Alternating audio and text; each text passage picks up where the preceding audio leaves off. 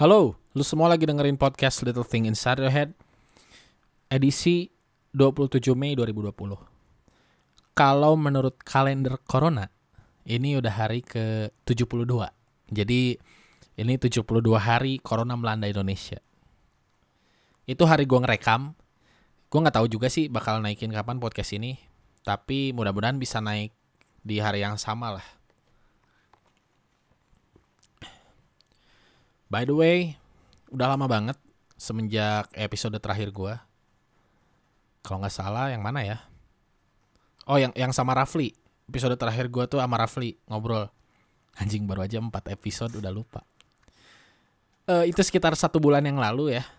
Kalau misalkan perhitungan matematis satu bulan tuh kan seminim-minimnya empat minggu kan, empat minggu. Kalau misalkan sesuai dengan rencana gua, gua tuh pengennya setiap minggu di hari Selasa gua ngeluarin episode baru. Berarti total gua udah miss 4 episode. Eh, 5 deng, 5. Karena yang roughly itu telat satu minggu. Berarti gua setidaknya miss total 5 episode. Inconsistency hits me, man. Like, Tuhan itu suka amalan-amalan hambanya yang konsisten kalau bahasa religiusnya mah istiqomah. Tuhan tuh suka amalan yang kecil tapi istiqomah. Ya gue gue juga kurang paham sih istiqomah itu substansinya apa gitu secara keseluruhan. Tapi yang paling harfiah gue tahu istiqomah itu ya konsisten gitu bisa diartikan seperti itulah. Dan gue sekarang ngerti gitu kenapa Tuhan itu suka amalan-amalan hambanya yang konsisten. Paham betul gue contohnya gini dah misalkan langsung nih podcast ini ya. Podcast ini itu keinginan gue sendiri. Jadi ini project gue sendiri. Dan gue pun gak pernah mempersiapkan suatu hal yang ribet untuk podcast ini gitu. Gue gak pernah nyusun skrip. Gue gak pernah ngelis apa aja yang di, mau diomongin sama gue gitu. Kecuali dengan tamu ya kalau tamu kan perlu dibuat agak sedikit nyaman ya kalau misalkan monolog kayak gini gue tuh nggak pernah tuh nulis apa apa yang mau dibicarain sama gue nggak pernah gitu. Jadi modal bacot doang modal bacot terus direkam. Ya gue nyampein apa aja gitu yang ada di dalam pikiran gue saat itu. Jadi gak pernah ribet gitu persiapannya. Sangat mudah dan gue juga suka gitu prosesnya. Tapi ketika sudah dibenturkan ke konsistensi sulit bro. Kayak susah aja gitu. Gue juga nggak tahu. Entah gue nggak mood ngerjainnya entah gue uh, kurang inspirasi gitu. Atau mungkin otak gue lagi nggak mumet aja gitu. Gue juga kurang tahu sih kenapa gue sulit gitu untuk membuat ini konsisten. Jadi itu tuh Tuhan tuh suka karena memang sejatinya yang konsisten itu meskipun sedikit susah. Misalkan kita ambil contoh lah ya buat umat muslim kan sholat nih. Sholat itu udah suatu hal yang pasti lima waktu setiap hari harus dikerjakan wajib. Kita sepakat dong ya sholat itu tidak memakan waktu yang lama. Gak memakan waktu yang lama. Gue ambil rata-rata buat umuran kita nih ya. Umur gue 21 dan sekitarnya nih 21 dan sekitarnya. Itu kira-kira rata-ratanya sih kalau menurut gue 4 menitan lah sholat itu di waktu 4 menitan. Apalagi kalau orang-orang seumuran 21 dan sekitarnya yang belum mendapat hidayah, hanya menganggap sholat itu mengugurkan kewajiban, itu gue yakin sih pasti mereka mengekspresikan sholatnya lah. Mereka pasti menganut, udah surat pendeknya satu ayat aja boleh kok. Langsung tuh mereka satu ayat langsung ruku, iktidal, kayak gitu tuh dan rata-rata yang masih normal sekitar lima menitan lah sholat tuh. Nggak mungkin kayak lebih dari 10 menit itu nggak mungkin gitu. Berarti kita bisa ambil kesimpulan bahwa sholat itu kan sebentar ya dan mudah gitu tata pelaksanaannya tapi balik lagi nih ketika dibenturkan kepada konsistensi itu sulit gitu. Dalam pelaksanaannya itu sulit. Apalagi orang-orang yang memang eh, istilahnya mah ya tidak menganggap sholat itu sebagai kebutuhannya dia gitu. Pasti sulit banget meskipun hanya sebentar. Apalagi kalau misalkan udah menemukan kesenangan kita tuh misalkan contohnya main game. Gue yakin sih kalau main game gak rata-rata pada 10 menit ke atas. Gue yakin itu gitu. Maksudnya ketika kita sholat itu kan cuma beberapa menit. Sebetulnya kan secara logika kita bisa sholat dulu yang lebih sebentar lalu melanjutkan ke kegiatan itu gitu kan. Sulit kalau udah dibenturkan kepada konsisten itu sulit. Jadi gue paham betul gue kenapa Tuhan suka amalan-amalan kecil dan konsisten. Respect gue sama orang-orang yang bisa konsisten terus. Respect gue susah susah bener. Tapi gue bertekad sih anjay. Bertekad untuk mengkonsistensikan ini. Ya bukan buat kalian juga sih. Ini keinginan gue pribadi Eh, karena eh, konsistensi ini salah satu hal yang ingin gue capai gitu. Terutama disiplin kan. Buat bisa konsisten itu kan harus disiplin nih. Disiplin ini kata-kata yang udah jarang banget gue dapet maksudnya. Eh, semenjak gue lulus dari SMA kayaknya cuma beberapa kali kayaknya bisa bisa dihitung jari deh nggak lebih dari 10 kali ada orang mengeluarkan kata-kata disiplin. Waktu gue SMA mah tiap 20 menit kali ada. Bahkan sekarang zaman zaman kuliah nih kalau misalkan ada yang daftar organisasi kayaknya jarang banget tuh yang mengisikan alasan disiplin. Waktu gue zaman SMA tuh uh, semuanya agar lebih disiplin agar lebih disiplin gitu. Jadi ya hal-hal kecil aja gitu dalam podcast ini yang tujuannya juga kan sebagai jurnal pribadi gue ya. Di mana jurnal pribadi itu fungsinya untuk mengembangkan diri ya. Jadi salah satu yang ingin gue capai lagi itu adalah konsistensi gitu. Paling hari ini seperti biasa gue bakal mengeluarkan argumen-argumentasi gue yang tidak valid sih, yang tidak valid. Karena gue bukan seorang ahli, eh, bukan seorang pejabat, gue hanya penggerutu biasa gitu yang menjalani hari-hari. Udah mulai numpuk nih di pala gue Pertama tentang silaturahmi online. Gue seneng banget sih. Thanks gitu untuk yang namanya teknologi. Gue nggak kebayang sih kalau misalkan corona ini datang di zaman tahun 90-an aja di mana orang-orang kaya doang ini gue denger cerita-ceritanya ya karena gue gue sendiri kan lahir tahun 99 eh gue denger ceritanya di mana orang-orang kaya doang gitu yang punya alat telekomunikasi dan itu pun terbatas gitu. Baik harganya pertama terbatas karena harganya mahal ya. Yang kedua karena karakter misalkan. Kita pernah ngalamin juga kan anak-anak seumur kita Twitter itu dibatasi karakter. Bahkan sampai sekarang juga dibatasi karakternya kalau kalau nggak salah. Thanks to teknologi yang bisa mempertemukan kita bersama teman-teman kita yang lain. Via video conference, via, telepon, via chat. Yang menurut gue banyak banget sih jasanya karena gue itu orang yang sering kangen dengan teman. Meskipun gue bukan uh, eh, gue bilang kan gue punya permasalahan dengan mencari teman dekat karena gue sangat picky. Tapi kalau misalkan teman secara general gue kangen mulu sih. Gue tuh kayak jarak nggak pernah lah nggak gak pernah hitungannya nangis karena cewek tapi kalau misalkan nangis karena teman gue pernah gue gitu. Kayak berpisah gitu perpisahan dengan teman tuh selalu menyakitkan bagi gue ya karena ada teknologi ini kita bisa kangen-kangenan gitu sama teman-teman kita. Enak gitu meskipun memang biaya yang dikeluarin apalagi ya orang-orang yang uh, tidak familiar dengan internet gitu agak besar gitu. Termasuk di gua gua gua heran dah. Gua tuh mau ini ya eh, masang internet kabel di rumah gua. Rumah gua nih kondisinya nggak jauh-jauh banget gitu dari daerah perkotaan tapi pertama jaringannya penuh dan hanya satu provider yang ada jaringannya di sini. Kayak anjing kampung banget rumah gua tai. Kayak maksud gua nggak kampung-kampung banget gitu. Kayak harusnya ada gitu ekspektasi gue bakal ada gitu jaringan yang nyampe ke sini. Bahkan eh di daerah yang lebih terpencil dari rumah gue pun ada gitu. Kenapa di rumah gue nggak ada? Kayak why man? Gitu. Lumayan sih biayanya. Biaya yang dimakan lumayan. Tapi tidak terbayarkan lah biaya kita kangen-kangenan sama teman-teman.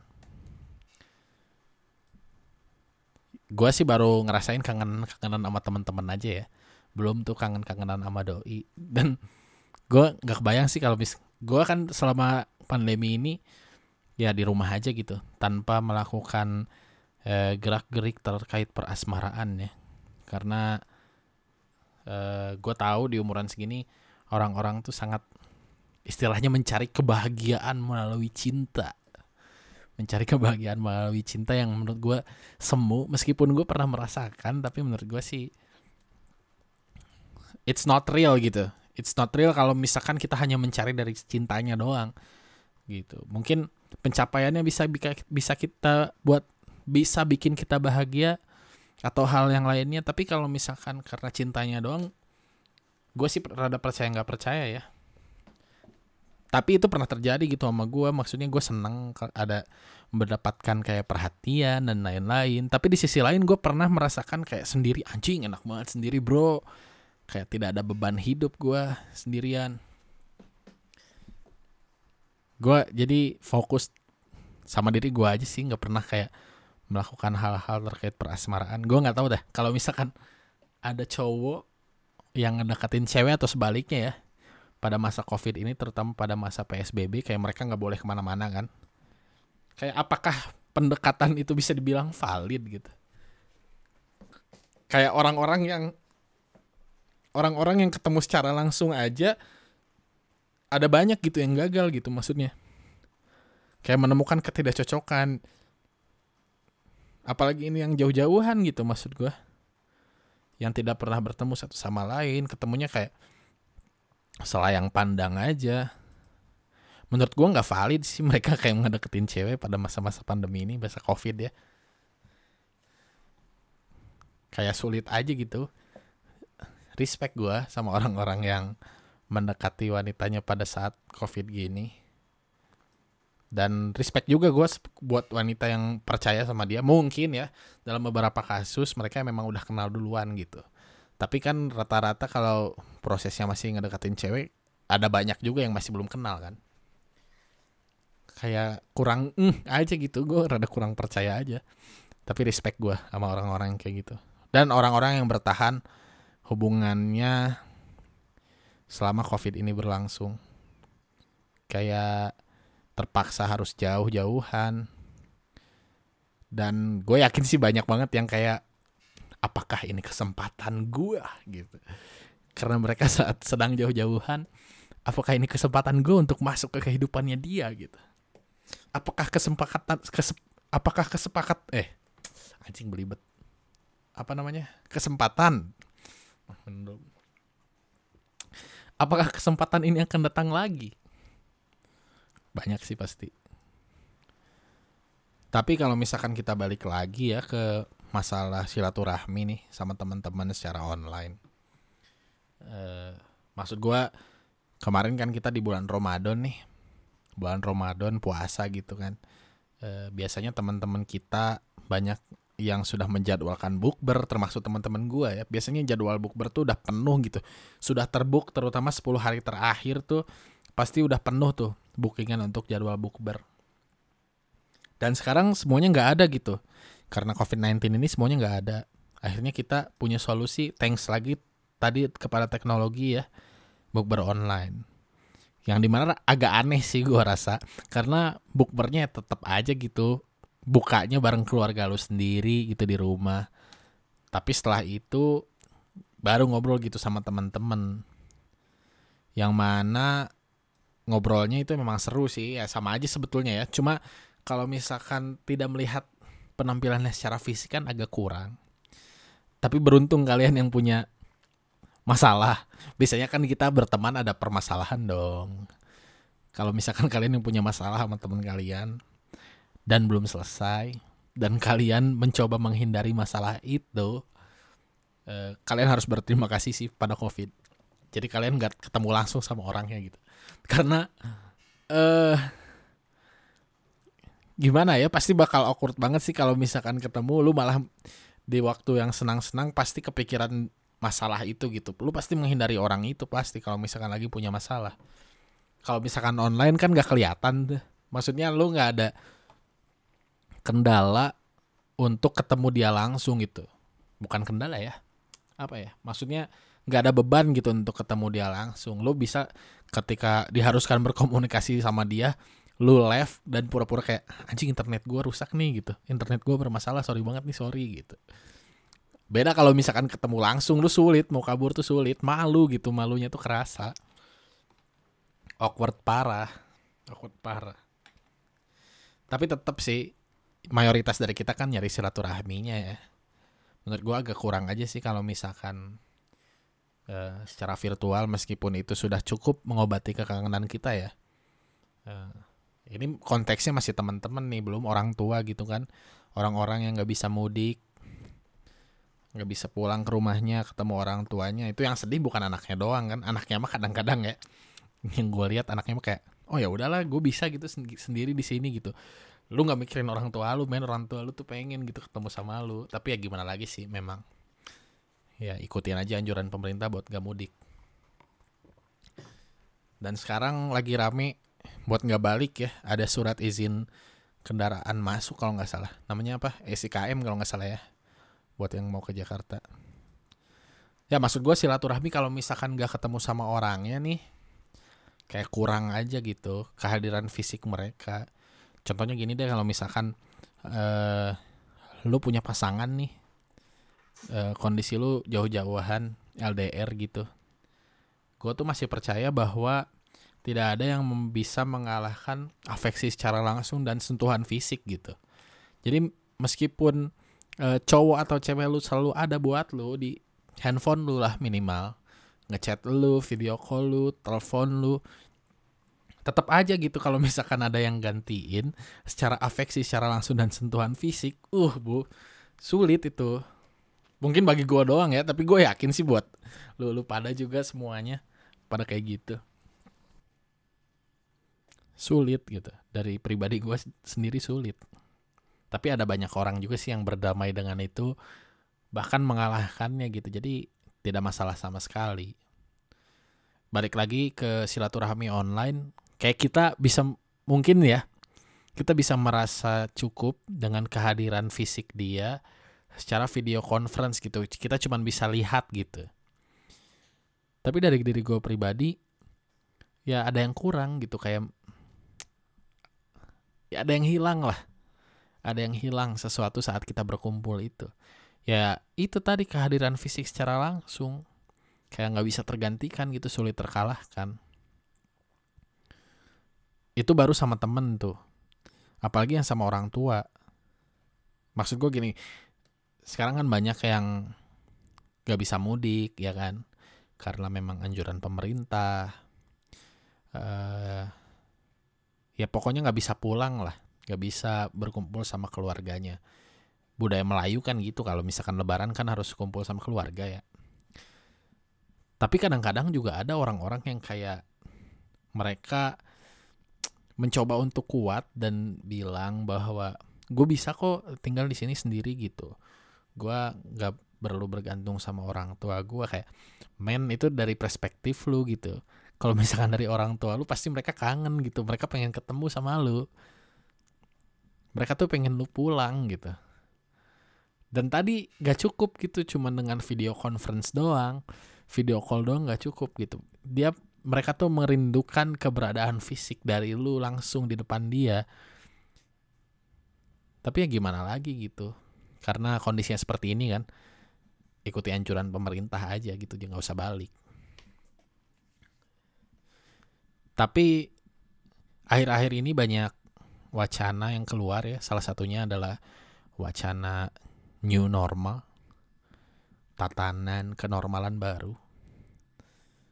Anyway, tapi kalian inget gak sih? Semenjak corona masuk, banyak istilah-istilah yang baru gitu. Banyak kosakata-kosakatanya mungkin tidak baru ya, tapi istilah-istilahnya baru gitu di telinga kita. Kita nggak pernah mendengar uh, istilah itu sebelumnya gitu. kayak karantina wilayah the fuck man what the fuck karantina wilayah gitu apaan itu gitu karantina wilayah. Yang kita tahu itu diadaptasi dari lockdown kan. Karena karena lockdown diadaptasi jadi karantina wilayah kan. Terus keluar lagi gitu. Hasil adaptasi dari karantina wilayah itu jadi aturan yang namanya PSBB gitu kan. Kayak the fuck man PSBB itu apa? gitu. Pas sedek-sedek beli baju. Bukan ya bukan pas sedek-sedek beli baju ya apa sih namanya? Yang aslinya? Pembatasan sosial berskala besar. Gue yakin bener tuh pembatasan sosial berskala besar. Gitu kayak kita nggak pernah gitu menggunakan istilah itu sebelumnya. Lalu sekarang ada lagi wacana new normal. Dan diadaptasi lagi ke Indonesia menjadi tatanan kenormalan baru. Gitu.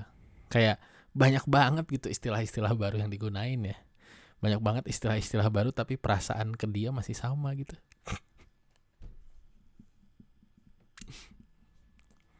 sorry men gak apa-apa lah sekali-kali wadidau ya gitu gitu maksudnya banyak istilah-istilah baru sekarang yang bakal kita bahas tatanan kenormalan baru ya Ingat nih kata-katanya, tatanan kenormalan baru. Apakah mengingatkan kalian kepada sesuatu? Kalau gue sih ingat kepada sesuatu. Gue setiap menyebutkan tatanan kenormalan baru, ingat ke tatanan dunia milik Sunda Empire. Terus kalian ingat juga gak nih ya? Ingat juga gak? Waktu dulu, semenjak COVID masuk tuh banyak banget tuh meme bertebaran bahwa semenjak Sunda Empire diruntuhkan oleh Polres Purworejo, tatanan dunia ini hancur gitu karena COVID gitu. Semenjak itu tuh banyak tuh meme-memnya. Dan gua rasa sekarang kayak salah satu konspirasinya eh bener juga gitu setelah mereka hilang tatanan dunia hancur gitu. Dalam hati gue kayak please gitu Sunda Empire kembali lagi gitu kerahkan pasukanmu untuk menstabilkan tatanan dunia gitu. Kita tidak ingin adanya tatanan kenormalan baru gitu. Stabilkan olehmu gitu.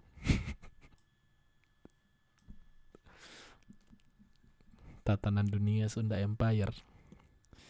Tapi di luar itu ya, kayak kenormalan baru tuh kan uh, seperti ini ya. Gue lihat penjelasan tuh dari salah satu orang bahwa kalau misalkan waktu itu kita jadikan sumbu X di diagram Cartesius, sorry nih kalau misalkan yang nggak ngerti ya, uh, sumbu X dan orang yang terjangkit itu di sumbu Y, uh, maka ketika waktunya nol, itu kita masih dalam keadaan normal yang lama. Artinya virus itu belum masuk ke uh, Indonesia. Jadi belum ada orang yang terjangkit di Indonesia. Itu adalah normal ya the real normal gitu kayak normal yang sebenar-benarnya normal seperti itu. Nah, semenjak waktunya bertambah dan kira-kira COVID itu masuk ke Indonesia, kurvanya itu naik gitu, secara eksponensial. Naik secara eksponensial dan mereka akan menemukan puncaknya. Mereka akan menemukan puncaknya dan turun secara berangsur-angsur sampai landai gitu. Dan landai landai itu tidak sama dengan keadaan normal yang lama gitu. Misalkan kalau misalkan uh, nilainya berarti normal yang lama nol kan. Nol karena belum ada yang terjangkit. Nah, normal baru ini keadaan yang sudah rata ketika masih ada yang terjangkit gitu. Namun tidak ada penambahan uh, pasien-pasien yang terjangkit. Jadi landai gitu. Si normalnya. Si eh, bukan normalnya apanya ya? Grafiknya. Nah, itu yang disebut dengan normal baru gitu. Sedangkan banyak orang yang berpendapat bahwa kurva di Indonesia ini masih naik gitu, belum landai. Ya gue lihat-lihat di berita sih emang iya gitu. Si korbannya tambahnya banyak kan. Bahkan waktu itu pernah sehari sampai mendekati seribu. Atau pernah seribu ya gue nggak tahu sih. Terakhir sih 686 kalau nggak salah ya. Jadi sampai seribu. Lalu uh, masih kelihatannya sih masih naik gitu masih naik gue percaya percaya itu kelihatannya masih naik belum belum siap untuk di untuk menjalankan new normal gitu dan memang gitu di sisi lain wacana ini menuai pro kontra gitu. Gue sendiri menanyakan, apakah new normal ini, rencana new normal ini merupakan bentuk menyerahnya pemerintah dalam penanganan COVID-19? Itu satu pertanyaan gue. Tapi di sisi lain kayak, apakah ini langkah yang tepat dari pemerintah? Mungkin pemerintah lebih tahu kurvanya seperti apa atau uh, mungkin ini untuk mengembalikan perekonomian yang juga tidak kalah penting ya.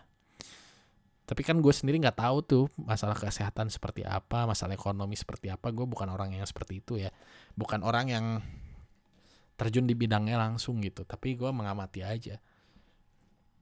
Yang pertama tuh kayak apakah pemerintah menyerah menangani COVID-19 ini dengan new normal ya bisa jadi menurut gue gitu. Maksudnya kayak ini gue gue gue tuh mempertanyakan ya apakah pemerintahnya kurang tegas atau uh, orang-orangnya yang kurang peka aja. Kalau gue sih lebih prefer yang ke pertama ya, karena uh, stupidi stupidity apa sih bahasanya? Kebodohan ya betul ya stupid stupid kebodohan itu stupid kan. Ya kayak stupidity itu spread everywhere gitu. Kayak gue pernah lihat di Amerika juga party Brazil bahkan presidennya tidak percaya akan social distancing gitu. Kayak kebodohan tuh menyebar di mana-mana gitu nggak cuman orang Indonesia gitu. Jadi orang-orang goblok tuh bukan cuman ada orang di Indonesia aja gitu.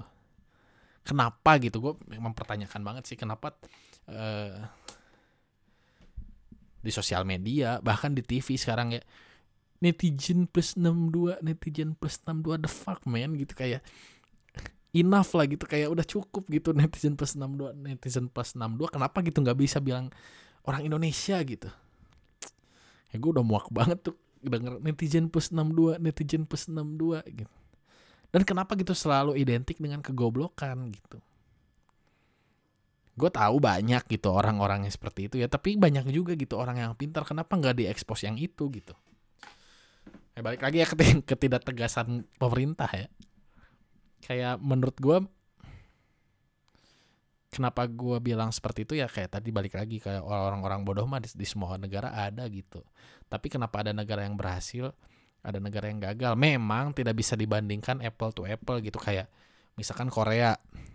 Korea Selatan itu penduduknya kurang lebih sebesar Jawa Barat lah. Dan uang yang mereka punya lebih banyak dari kita gitu kita rakyatnya tuh ada 250 juta orang gitu, banyak banget dan wilayahnya sangat luas. Sedangkan perekonomiannya ya lebih kurang gitu. Memang tidak bisa dibandingkan. Tapi di mana kalau misalkan pemerintahannya tegas ya terkait peraturan terutama PSBB nih. Terutama PSBB eh, menurut gua rakyat-rakyatnya bakal patuh gitu, bakal ngeh bahwa PSBB ini suatu hal yang penting gitu. Gue nggak tahu sebelah mana juga sih pemerintahan yang kurang tegasnya itu sebelah mana entah dari presidennya entah kepala negaranya entah kepala daerahnya sorry entah kepala daerahnya. Karena gue sendiri nih ya ini pandangan gue pribadi nih di Bandung Barat gue kan tinggal di Lembang nih ya Brads. Di Bandung Barat kayak PSBB nih PSBB gue tahu kondisinya PSBB dan gue tahu tempat-tempat strategis yang dipakai untuk pengecekan PSBB ya. Dan itu tuh kayaknya cuma bertahan satu minggu entah beberapa hari ya tiga hari gitu. Kayak setelah itu nggak pernah dicek lagi. Kayak mereka menganggap tidak penting. Itu kan yang ditugaskan itu TNI dan Polri kan aparat gitu. Tapi nggak pernah gitu ada di checkpoint pengecekannya. Terdapat bahkan ya ada kalau misalkan teman-teman tahu nih yang orang anak orang Lembang eh, di Beatrix itu kan ada tulisannya terpampang besar bro. Kayak checkpoint uh, eh, PSBB kalau nggak salah gitu. Nggak ada satu satu pun uh, yang menjaga di situ nggak ada gitu. Gue sih nggak menyalahkan orang yang menjaga di situ ya tapi menurut gue sih pemerintahan kurang tegas aja gitu. Kayak sorry tuh saya ini uh, ngapain gitu? Uh, bupatinya ngapain gitu. Gue ini uh, spesifik di Bandung Barat aja ya. Kayak ya ngapain gitu Bupati Bandung Barat tuh kerjanya apa? gitu. Dari dulu semenjak Bapak Abu Bakar ya. Eh udah almarhum sih dia belum. Sorry nih gue nggak tahu nih gue sorry nih. Kalau nggak salah sih udah ya tapi gue kurang tahu. Dari mulai Bapak Abu Bakar aja dulu sampai sekarang uh, Umbara yang gue nilai ya meskipun gue jarang banget ada di daerah Lembang karena gue sekolah asrama sekarang kuliah jauh tapi yang gue lihat yang mereka kerjakan itu apa apa coba? Menurut gue yang mereka kerjakan itu cuman mampang foto mereka besar-besar gitu untung nggak viral kayak bupatinya Kelaten gitu. Coba kalian perhatiin deh setiap sudut itu ada fotonya gitu terus kayak ngapain gitu bawa-bawa istri mereka gitu di fotonya. Apakah istri mereka juga bagian dari pemerintahan? Kata gue ya nggak penting gitu. Maksudnya yang bupati itu suami lu bukan lu gitu. Yang bupati itu suami lu lu mah ya udah masak aja di rumah ngurus anak-anak lu gitu. Maksud gue gitu itu dari zaman Pak Abu Bakar tuh kalian perhatiin aja. Dari zaman Pak Abu Bakar itu yang terpampang tuh foto beliau bersama Bu Elin waktu itu kan dan terbukti menurut gue mah ini kayak bisnis sih kayak bisnis kayak mereka kayak curcol lah kayak curhat colongan gitu. Dan pada akhirnya kan di tahun selanjutnya Bu Elin mencoba untuk naik kan betul nggak? Kayak gitu gitu. Menurut gue udah kayak kelihatan juga nih untuk yang sekarang nih Pak Umbara nih punten nih. Kalau Pak Umbara denger podcast ini kayak kerjaan bapak cuman manca, majang foto doang gitu yang saya tahu. Belum terasa kalau misalkan di berita pernah tuh aduh malu banget kayak sembako tuh pembagian sembako eh ada yang busuk waduh itu tuh. Jadi sekalinya ada di berita yang jelek gitu. Maksudnya pak bapak itu punya kedudukan eh kalau misalkan dimanfaatkan dengan baik nama bapak akan dikenang baik gitu. Kayak udahlah pak stop lah pajang foto gitu. Mending alihin aja anggarannya untuk bantuan ini jadi itu sih faktornya menurut gue new normal ini karena salah satunya uh, kurang tegas ya dari pemerintahannya menurut gue karena kalau tegas kita pasti nurut gitu. Gue mah nggak mau nyerahin orang-orang goblok karena yang goblok mah ya udah musnah aja gitu. Seharusnya gak usah dipertahankan lagi gitu. Yang bisa gue salahin kan pemerintah gitu. Ya kalau misalkan kalian nyuruh gue ngasih solusi uh, gue tidak pakar gitu di dalamnya. Mungkin kritik gue ini bisa menjadi solusi gitu biar mereka gerak. Mudah-mudahan sih kayak gitu. Mudah-mudahan nih pak kalau mendengar ya udahlah stop lah pasang foto-fotonya gitu. Diperhatiin lah anak-anak rakyatnya. Tapi di sisi lain apakah ini kebijakan yang betul gitu kan? New normal ini apakah kebijakan yang betul? Eh, bisa jadi karena ya kondisinya tadi kayak perekonomian kita tidak terlalu kuat kan dan Indo nih kalau menurut gue paling realistis bahwa Indonesia itu wilayahnya besar gitu wilayahnya besar penanganannya pun diserahkan tidak sentral secara nasional gitu mungkin pengumumannya iya ya tapi penanganannya yang gue tahu itu di eh, serahkan ke pihak pemerintahan daerah. Contohnya kayak di Jabar, PSBB, Jawa Timur gitu. E, pemantauannya tuh sekarang udah mulai per daerah. Gue lihat di berita kayak Jawa Barat naik 22 orang, Jawa Timur naik 200 sekian orang, udah kayak gitu. Berarti ini setidaknya bagi diri gue sendiri, gue tarik kesimpulan bahwa penanganannya dijatuhkan kepada e, daerah ya. Nah, e, contohnya di Jawa Barat gitu Bentar tadi gue mau ngomong apa? Oh tentang ini ya new normal new normal. Kenapa ini merupakan keputusan yang tepat ya? Ya tadi karena wilayah Indonesia besar. Kalau misalkan kita mau bandingkan misalkan dengan Jepang ya, Jepang itu kan sebesar Pulau Jawa dan mereka lumayan eh, agak kecil lah wilayahnya gitu. Jadi mereka pun mereka pun berangsur-angsur gitu untuk menggunakan new normal ini. Kemarin di berita ada empat wilayah termasuk Tokyo yang terakhir mereka terapkan new normal. Nah, jadi menurut gue ini keputusan yang tepat kalau dilihat dari perwilayah gitu. Jadi kayak Jawa Barat kemarin 22 sekarang 11 kan udah sudah mulai menurun tuh. Kita direncanakan tanggal 1 Juni mulai new normal kayak ya realistis gitu kalau misalkan dilihat-lihat per wilayah. Bahkan Pak Ridwan Kamil pun menyarankan untuk dilihatnya per kecamatan gitu. Dia menilai per kecamatan ya mungkin ini suatu hal yang tepat ya dari pihak pemerintah untuk melakukan uh, kebijakan ini menurut gue sih kalau misalkan dilihat dari daerah-daerah seperti itu ya lumayan lah. Tepat gitu apa yang dilakukan oleh pemerintahan. Ya di sisi lain kita harus berdoa aja sih supaya uh, new normal ini merupakan keputusan yang tepat. Apa pun yang kalau gue pribadi sih apa pun yang di instruksikan oleh pemerintah gitu peraturan yang dibuat ya gue jalanin aja dulu gitu. Karena di atas mereka punya kepentingan politik masing-masing ya. Menurut gue sih masih tetap memikirkan rakyatnya karena mereka pun tak takut Tuhan men. Kayak gue yakin kok bapak-bapak di atas di sana takut Tuhan mereka. Kayak gue denger dari bang Adri ya eh, kenapa nggak ada siaran-siaran tobat selama covid ini gitu heran gitu. Padahal barangkali ya dengan kita berdoa lebih keras covid ini akan segera berakhir gitu kan siapa yang tahu gitu. Nah itu ya kita paling selanjutnya bisa berdoa aja sih supaya kebijakannya tepat pertama atau yang pertama covidnya hilang dulu kebijakannya tepat ya yang kedua uh, terus kita selalu diberikan kesehatan dan juga sadar akan kebersihan masing-masing ya. Gue rasa dengan nanti adanya new normal bakal eh, bener-bener baru sih.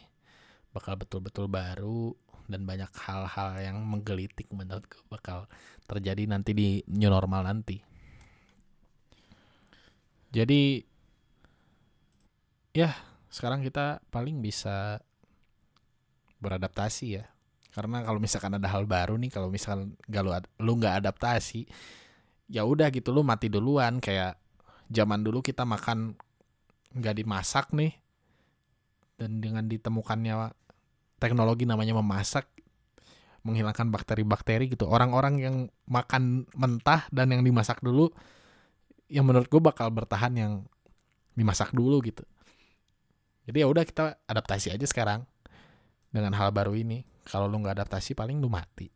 Yaudah gitu aja paling. Bye bye